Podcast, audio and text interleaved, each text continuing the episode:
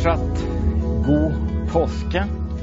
Og i en sånn påskevandring som vi har sammen, så er vi mer opptatt av den ytre historien enn det indre dramaet. Vi fokuserer ikke så mye på hvorfor det skjedde, men konsentrerer oss om å fortelle hva, når, hvor og hvordan alt sammen skjedde. Og i dag er det påskeaften. og da er det naturlig nok litt mindre fortelling, men det gir oss litt mer tid til refleksjon og meditasjon. Jeg tenkte jeg skulle gi et kort resymé fra skjærtorsdag gjennom langfredag, sånn at du får med deg helheten i fortellingen. Skjærtorsdag kveld spiste Jesus påskemåltidet sammen med disiplene sine. og De diskuterte hvem som er størst, og derfor vasket han deres føtter og ga dem et eksempel. Judas forlot fellesskapet for å forråde Jesus. Og så innstifter Jesus nattvern før han tar med seg disiplene og går ned til Getsemane, hvor han kjemper en avgjørende kamp i bønn. Og etter at Jesus lot seg arrestere i Getsemane torsdag natt, så begynte rettergangen, prosessen, mot Jesus umiddelbart, med forhør gjennom hele natta. Og de forhørene de faller naturlig i to deler. Først den religiøse, og så den politiske delen. Den religiøse ved jødene og den politiske delen ved romerne. Og Den religiøse domstolen det var jo først i et forhør hos Annas, så hos øverstepresten Kaifas, og så Det høye råd, altså Sanhedrin. Og Jesus svarte bekreftende på at han var Guds sønn, og derfor ble dommen at han er dømt til døden for gudsbespottelse, altså blasfemi. Og så over til den politiske domstolen. I forhør hos Pontius Pilatus, kong Herodes, og så tilbake igjen til Pilatus. Og etter mye fram og tilbake så bekrefter Pontius Pilatus den religiøse dødsdommen av frykt for å miste vennskapet sitt med den romerske keiseren. Han hevder sin uskyld og vasker sine hender, men i trosbekjennelsen sier vi fortsatt at Jesus ble pint under Pontius Pilatus. Og så må Jesus gå smertens vei via Dolorosa. Etter å ha blitt spottet og pint, pisket og hudstrøket av de romerske soldatene, må Jesus bære sitt eget kors gjennom Jerusalems gater til Golgata. Og langfredag, ca. klokka ni på morgenen, korsfestes Jesus. Også korsfestelsen faller naturlig i to faser. Først det som skjer i fullt dagslys, og så det som skjer de tre siste timene i det totale mørket. Og Jesus ber i dette lyset om tilgivelse for fiendene sine. Så ber han Johannes ta ansvar og omsorg for sin mor Maria. Og så gir Jesus røveren et løfte om paradis. Og så kommer dette overnaturlige mørket, hvor vi hører Jesus rope 'Min Gud, min Gud, hvorfor har du forlatt meg?' Så roper Jesus 'Jeg tørster', sånn at det blir helt tydelig når han sier det er fullbrakt. Det roper Jesus ca. klokka tre på langfredag, og så hører vi han si, Far, i dine hender overgir jeg min ånd. Da revner forhenget i tempelet, klippene slår sprekker, og graver åpnes, og døde står opp. Vanligvis tar en korsfestelse ett til to døgn, men korsfestelsen på langfredag den varte bare i seks timer. For romerne lot ofte de henrettede bli hengende på korset, eller de tok det ned og lot det bli liggende som føde for gribber og andre åsselsdyr. Men klokka var altså ca. tre, og sabbaten nærmer seg. Og den begynner ved solnedgang, ved sekstida. Og jødene hadde ikke lov til å la noen som var blitt henrettet, bli hengende over sabbaten. Og særlig hvite var det nå, før den store påskesabbaten, for nå står den for døra. Så enda en gang går de religiøse lederne til Pilates, han blir visst aldri kvitt dem, for å be om at de korsfestedes ben blir brutt, slik at dødsprosessen forseres, så de kan ta de døde kroppene ned fra korsene. Og det var soldatene som skulle konstatere at de korsfestede var døde. Så langfredag, altså etter klokka tre, bryter de benene på den ene røveren, sånn at han synker sammen og dør. Og så bryter de benene på den andre røveren, sånn at han synker sammen og dør. Men når de kommer til mannen på det midterste korset, så ser de at Jesus på overnaturlig vis allerede er død. Og Johannes skriver Da de kom til Jesus, så de at han alt var død, og de knuste ikke hans bein. Men en av soldatene stakk ham i siden med et spyd, og straks kom det ut blod og vann. Johannes la merke til straks kom det ut blod og vann. Johannes tenkte helt sikkert symbolsk hvilken betydning blodet og vannet har i den kristne tro. For ved hans død har vi fått liv, og det kan ikke noe være noe tvil om dødsårsaken. Jesus døde av kjærlighet til deg og meg. Og dermed ble enda et profetord oppfylt, som ble forutsagt mange hundre år før det skjedde. I salmene står det 'ikke et ben skal brytes på ham'. Og i Sakarias så står det 'de skal se på ham som de har gjennomboret'. Så altså før langfredag klokka tre, nå etter at Jesus er død, så kommer det to kjente, men i denne sammenheng helt anonyme menn på banen. Den ene er Josef fra Arimathea og Nikodemus, altså han som hadde oppsøkt Jesus på natta.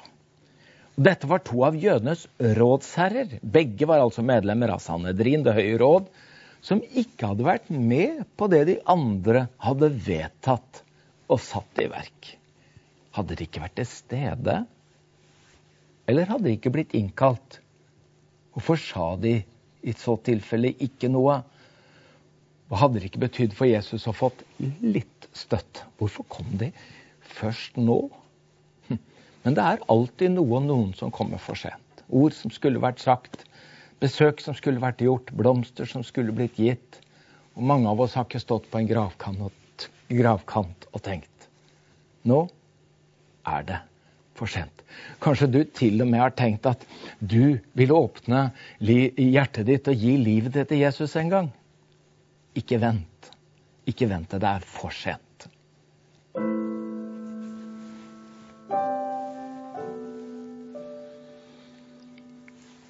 Enda en gang får Pilatus besøk av de religiøse lederne. Det er ikke lett å bli kvitt Jesus. Og nå er det Josef som kommer for å ta den døde kroppen til Jesus. Pilatus undrer seg over at Jesus allerede skulle være død. Derfor kalte han til seg den ansvarlige offiseren for korsfestelsen, eh, antageligvis han som sa 'sannelig denne var Guds sønn', og spurte om det medførte riktighet at Jesus allerede var død. Og da han fikk det bekreftet av offiseren, så lot han Nikodemus og Josef få Jesu døde kropp. Det er noe flott med disse to anonyme etterfølgerne av Jesus, som nå trosser alle farer og står tydelig fram som Jesu disipler. Til tross for den lynsjestemningen som må ha rådet i Jerusalem. Ved å ta Jesu døde legeme ned fra korset blir de urene, slik at de kan ikke feire den jødiske høytiden som de ellers ville ha gjort. Og Det kan virke som om disse to, Josef og Nikodemus, har blitt enige om en slags ansvars- og arbeidsfordeling i forbindelse med begravelsen. Josef han skulle kjøpe lintøy, og Nikodemus skulle kjøpe oljer til noe som lignet en balsamering. Og han kjøpte myrra og aloe, ca. 100 pund, altså mer enn 30 kilo. Det er jo nok til en kongelig begravelse. Josef gir lintøyet og graven sin. Nikodemus gir myrra og aloe, men begge gir Jesus sitt gode navn og rykte. Og dermed blir enda et skriftord oppfylt. De gav ham en grav blant ugudelige hos en rik mann da han var død.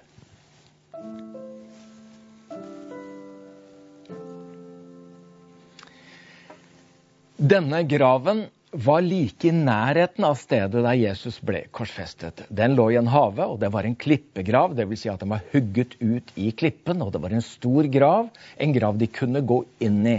Det var to rom, ett for den døde og ett for de sørgende. Og Så ble det rullet en stor stein foran gravåpningen for bl.a. å holde rovdyr borte. Og Josef og Nikodemus la Jesus, Jesu døde kropp, i graven, innhyllet i lintøy og oljer. Og så rullet de den store steinen foran graven, og så gikk de derfra. Men det var noen kvinner som fulgte nøye med på avstand for å se hvor Jesus ble gravlagt. De tre Mariaene.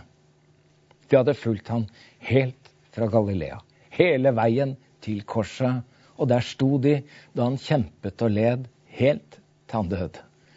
Det er en kjærlighet og en trofasthet og en utholdenhet som kanskje bare kvinner har. Kvinnen hadde fulgt etter Josef og Nikodemus til graven. De så hvor de la Jesus. Og etter at Josef og Nikodemus hadde gått, så ble de sittende der og se rett imot graven med den store steinen. Josef og Nikodemus gravla altså Jesus. Kvinnene fulgte ham til graven. Men hvor er disiplene? De må jo ha vært helt knust, fullstendig oppløst. Hva hadde skjedd? Alle drømmene var knust, alle håp var døde, og ingenting hadde blitt slik som de hadde trodd. Kan det ha vært grunnen til at de nå er helt borte? Senere forteller Markus om hva som møtte Maria da hun kom til disiplene fra den tomme graven på søndagen. Hun gikk av sted og fortalte det til dem som hadde vært med ham. Og så står det og som nå sørget og gråt. Disiplene må ha vært helt slått ut av det som har skjedd. Og de hadde mer enn nok med seg sjøl. Det er ikke noe rart at de sørget og gråt. Og i en slik påskevandring som legger mer vekt på det ytre historien enn på det indre drama, så gir du ikke noe rom for å forkynne om det Jesus gjorde etter at han hadde utåndet og overgitt sin ånd i Faderens hender på korset. Men Bibelen antyder at det var stor aktivitet i den åndelige og usynlige verden denne påskeaften. Natten og dagen etter at Jesus døde. Antyder dette med paradis, for Jesus sier jo til den røveren som ber om en tanke, eh, hvor han sier 'husk på meg når du kommer i ditt rike', da svarer jo Jesus 'sannelig sier jeg, i dag skal du være med meg i paradis. Og det andre handler om dødsriket. Og vi sier jo i trosbekjennelsen 'Jeg tror på Jesus Kristus', pint under Pontius Pilatus, korsfestet, død og begravet. Og så sier vi 'for ned til dødsriket'. Apostelen Peter skriver for Kristus selv led for synder en gang for alle, den rettferdige for urettferdige, for å føre dere fram til Gud. Med kroppen døde han, men ved ånden ble han gjort levende, og slik gikk han bort og forkynte for åndene som var i fangenskap. Og hør hva Jesus sjøl sier i åpenbaringsboken. Jeg var død, men se, jeg lever i all evighet. Og jeg har nøklene til døden og dødsriket. Så det er ingen tvil om at det har vært stor aktivitet i den åndelige verden som følge av Jesu død på korset. Og så, lørdag kveld, etter at sabbaten er over, altså etter ca. klokka 6.18, eh, fikk Pilatus besøk enda en gang. Og nå var det de jødiske øversteprestene og fariseerne som kom. Og hva gjelder det denne gangen? Jo, det gjelder denne mannen fra Nasaret. De blir visst aldri ferdig. Og nå hadde de kommet til å tenke på noe som det virket som om disiplene kanskje helt hadde glemt. Det er at Jesus hadde sagt at han skulle oppstå på den tredje dagen. Og nå ville altså de religiøse lederne ha vakthold.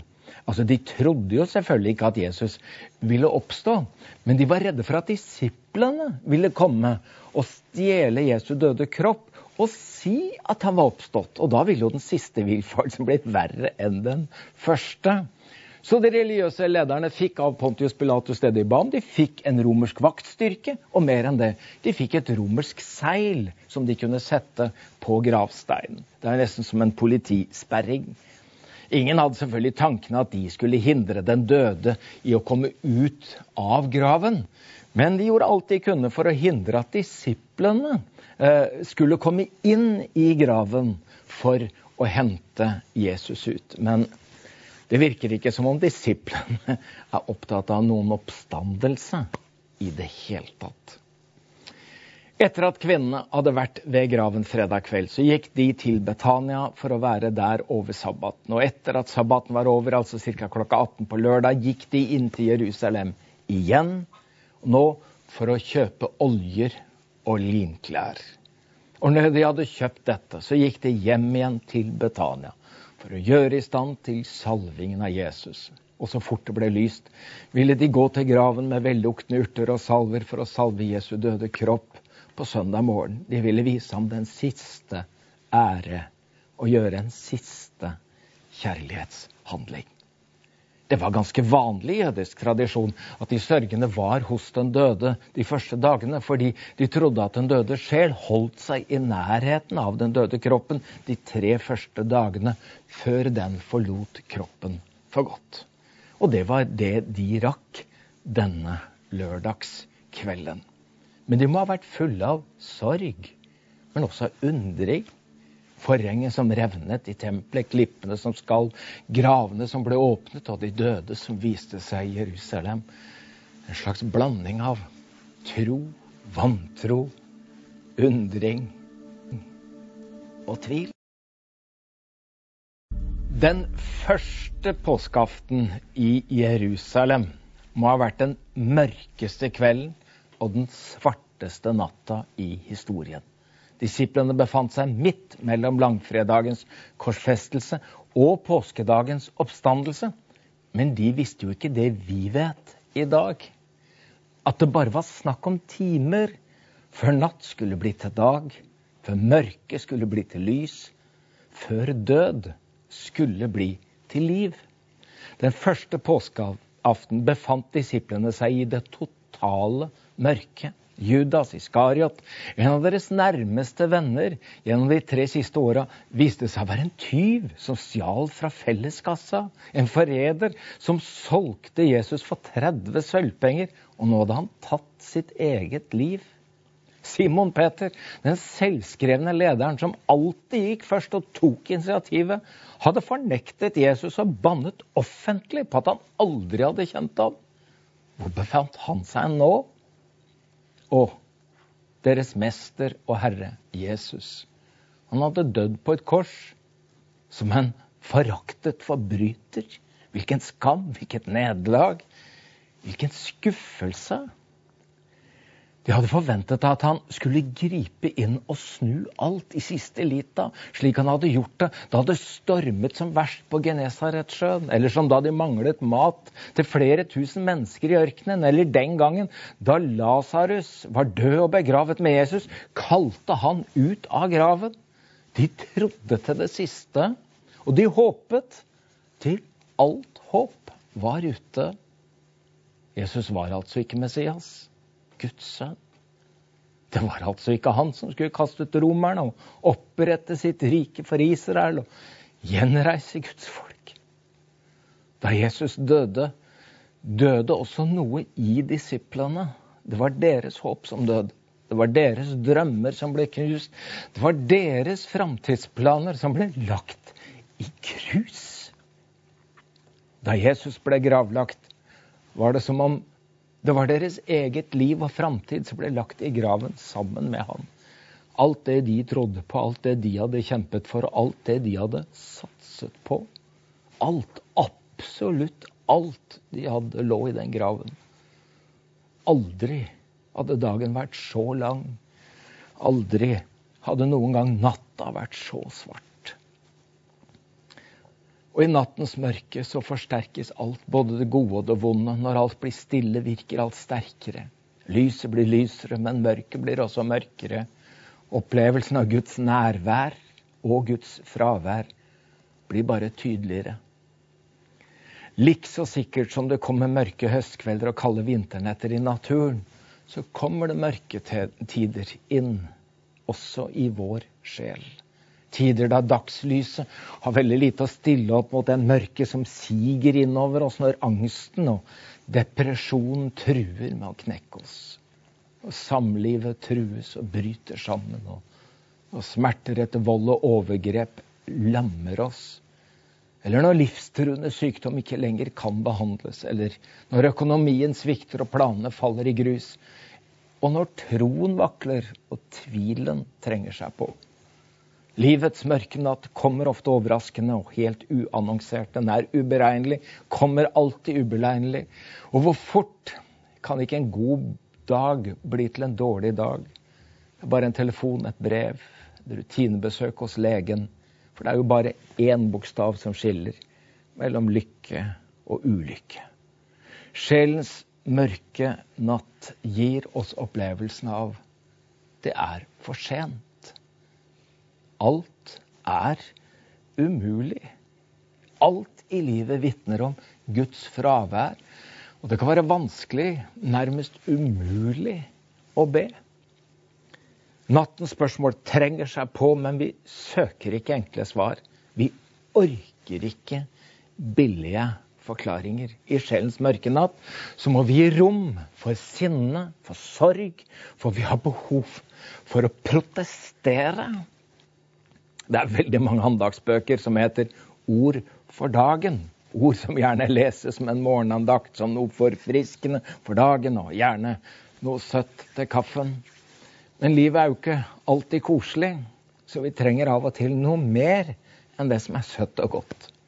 Vi kan behøve noe ramsalt, noe som svir, noe som renser sårene.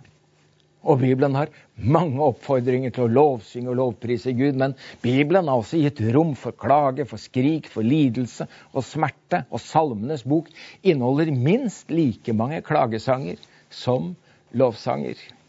Jeg var på et loppemarked i København og kom tilfeldig over en gammel dansk bibel, der klagesangene i Bibelen hadde fått navnet Begredelsenes bok. Jeg syns det var så fantastisk å se at det som på norsk heter klagesangene, heter altså Begredelsenes bok. Ja, ja, du får holde ut med dansken min. Men altså en hel bok bare om det som er begredelig i livet. Det er jo fantastisk. For vi tror på en Gud med sårmerkede hender, som selv har gitt uttrykk for sin sorg og sin smerte i Getsemane hører vi og ser at han kommer i dødsangst, og han ba enda mer inntrengende. Og så sier han, 'Min sjel er tynget til døden av sorg'. Og på korset roper Jesus, 'Min Gud, min Gud, hvorfor har du forlatt meg?' Og ærlig klagesang er jo ikke en motsetning til lovsang, snarere tvert imot. Klagesangen er ofte en forutsetning for lovsangen. For hvis vi ikke gir rom for klagesangen, så kan lovsangen sette seg fast i halsen på oss. Det oppleves som om vi må fortrenge smerten og fornekte de vonde følelsene. Kanskje det er en sammenheng mellom klage og intimitet og nærhet. For klagen er en kjærlighetserklæring og en tillitserklæring. For den forutsetter at vi bryr oss så mye om fellesskapet med Gud at vi også vil gi uttrykk for det som skuffer oss, og som sårer oss, og det som gjør oss sinte. I Salme 142 så står det Jeg øser ut min klage for ham, forteller ham om min nød. Når min ånd er uten kraft, vet du hvordan jeg har det.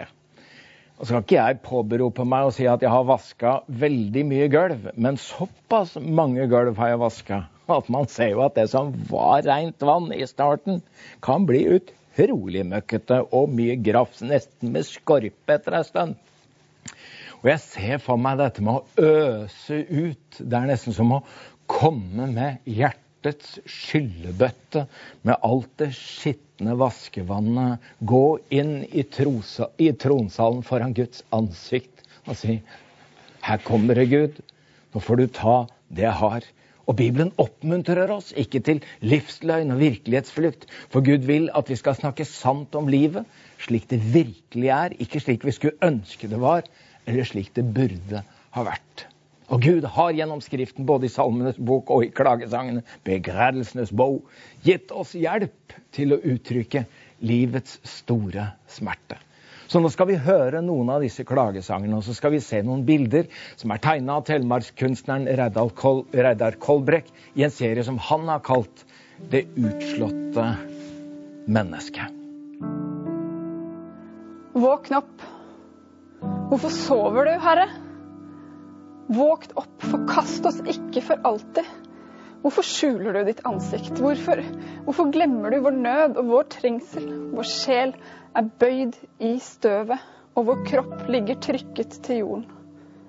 Reis deg og kom oss til hjelp. Fri oss ut for din trofasthets skyld.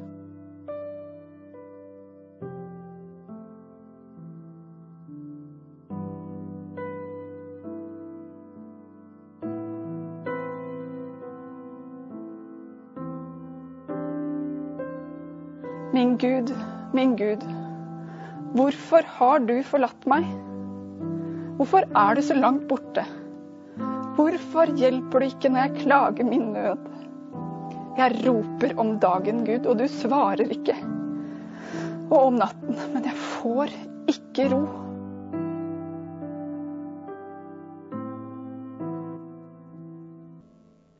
På et uh, torg i København står det en minnestein fra Det hellige land som en takk fra Israel til Danmark for deres innsats for jødene under andre verdenskrig. Og steinen har innskriften 'Og det ble aften, og det ble morgen'. Med tanke på krigen, hvordan seks millioner jøder og av disse halvannen million barn døde i konsentrasjonsleirene, så tok denne innskriften meg, og det ble aften. Men jeg ble allikevel forundret over det jeg leste, og det ble aften, og det ble morgen. Jeg kjente igjen sitatet fra skapelsesfortellingen i første Mosebok, men jeg husket ikke at det sto sånn. Det mest naturlige hadde jo vært at det sto og det ble morgen, og det ble aften. For våre dager, de begynner jo alltid om morgenen, og så slutter de med kvelden. Det vil si at for oss betyr alltid kvelden at dagen er slutt. Men i Midtøsten er det ikke sånn. For der begynner den nye dagen kvelden før. Altså, hver kveld er begynnelsen på en ny dag. Etter natt kommer det alltid en ny dag. Og det ble kveld, og det ble morgen. Første dag alle livets netter har en slutt. De varer ikke evig. De er tidsbegrenset. De varer en tid, en periode, en sesong. Alle kvelder og alle netter har en begynnelse, men de har også en ende. Vi går gjennom natten, vi går gjennom tunnelen, og endelig er vi ute i lyset igjen. For vi blir jo ikke natten hele livet, vi går igjennom den. Selv om jeg går i dødsskyggens dal, sier salmisten. Denne påskeaften så kan vi minne hverandre om at Herren sover ikke om natta. Han arbeider. Og det skjer noe, selv om vi ikke gjør noe. Og det skjer noe, selv om vi ikke ser noe. Han for ned til dødsriket. Han gikk til paradis. Det var noen kvinner som gikk til graven tidlig om morgenen mens det enda var mørkt. og de hadde et kjempestort problem foran seg. Så de sa til hverandre skal vi få til å rulle bort steinen fra inngangen til graven. Og steinen var jo altfor stor. Og I tillegg så var det romerske vakter foran graven og et romersk seil på gravsteinen. Men det var én som hadde vært i arbeid om natta mens de sov. For Gud arbeider om natta. Han blunder ikke og sover ikke, Israels vokter. Herren er din vokter, Herren er din skygge, han er ved din høyre hånd. Solen skal ikke stikke deg om dagen, og månen ikke skade deg om natten. Gud arbeider om natten, og Gud ser i mørket. Og sier jeg, la mørket dekke meg og lys omkring meg bli til natt, så er ikke mørket mørkt for deg, og natten er lys som dagen. Ja, mørket er som lyset. Når vi føler oss Guds forlatte, så er det en følelse, ikke en virkelighet. Men da Jesus opplevde seg Guds forlatt på korset, så var det en virkelighet for at ingen av oss skal bli forlatt av Gud og skilt fra Guds kjærlighet i Jesus Kristus. Hva skal vi så si til dette? Er Gud for oss, hvem er da imot oss? Han som ikke sparte sin egen sønn, men ga ham for oss alle. Kan han gjøre noe annet enn å gi oss alt sammen med ham? Hvem kan anklage dem Gud har utvalgt? Gud er den som frikjenner. Hvem kan da fordømme? Kristus Jesus er den som døde, ja, mer enn det. Han sto opp og sitter ved Guds høyre hånd, og han ber for oss. Hvem kan skille oss fra Kristi kjærlighet? Nød, angst, forfølgelse, sult, nakenhet, fare eller sverd? Som det står skrevet, for din skyld drepes vi dagen lang, vi regnes som slaktesauer. Men i alt dette vinner vi mer enn seier ved Ham som elsket oss. For jeg er viss på at verken død eller liv, verken engler eller krefter, verken det som nå er eller det som kommer, eller noen makt, verken det som er i det høye eller i det dype, eller noen annen skapning, skal kunne skille oss fra Guds kjærlighet i Kristus Jesus, vår Herre. Gud har aldri lovet oss et fravær av det vonde, men han har lovet oss et nærvær av seg i lidelsen. Så ingenting kan skille oss fra Guds kjærlighet.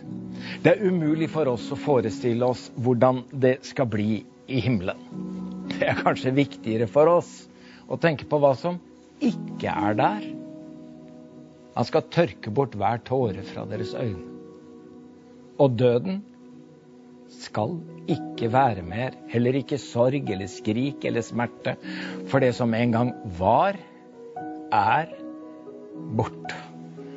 Og så kommer det en morgen. Og den morgenen heter siste dag. Ja, det ble aften, og det ble morgen første dag, men én dag blir det morgen siste dag. For da blir det ikke noen kveld eller natt mer. Det skal være en evig morgen. Natten skal ikke være mer. Og de skal ikke ha bruk for lys av lampe eller av sol. For Herren Gud skal lyse over dem, og de skal herske som konger i all evighet. Ingen død, ingen natt, ikke noe mørke det høres himmelsk ut. Thomas Baal Barrat han var pinsevekkelsens apostel i Europa og Philadelphia-kirkens grunnlegger i Oslo. Han og Laura fikk sammen åtte barn, men fire av barna døde i ung alder. Og Sussi Barrat, en kvikk og glad jente, fikk brysthinnebetennelse, pleuritt. Av hensyn til hennes helse så flyttet familien til Grefsen i Oslo, eh, og de kalte huset for Sion men Sussi døde bare tolv år gammel. Og En dag pastor Barra sitter på verandaen og ser utover byen med alle lysene som blinker, skriver han sangen. Her, fra mitt Sion, jeg skuer frigjortes himmelske land. En sang som er brukt i mange begravelser. Og i refrenget synger vi Snart vil den evige morgen løfte det tårvette slør, der i det fredfulle riket ingen blir syk eller dør. Det har vært påskeaften, og det er mye mørke, det er mye sorg og sinne. Så jeg kjenner at jeg har lyst til å avslutte for min del med å tenne et lys. Et lys som eh, symboliserer Guds nærvær i mørket.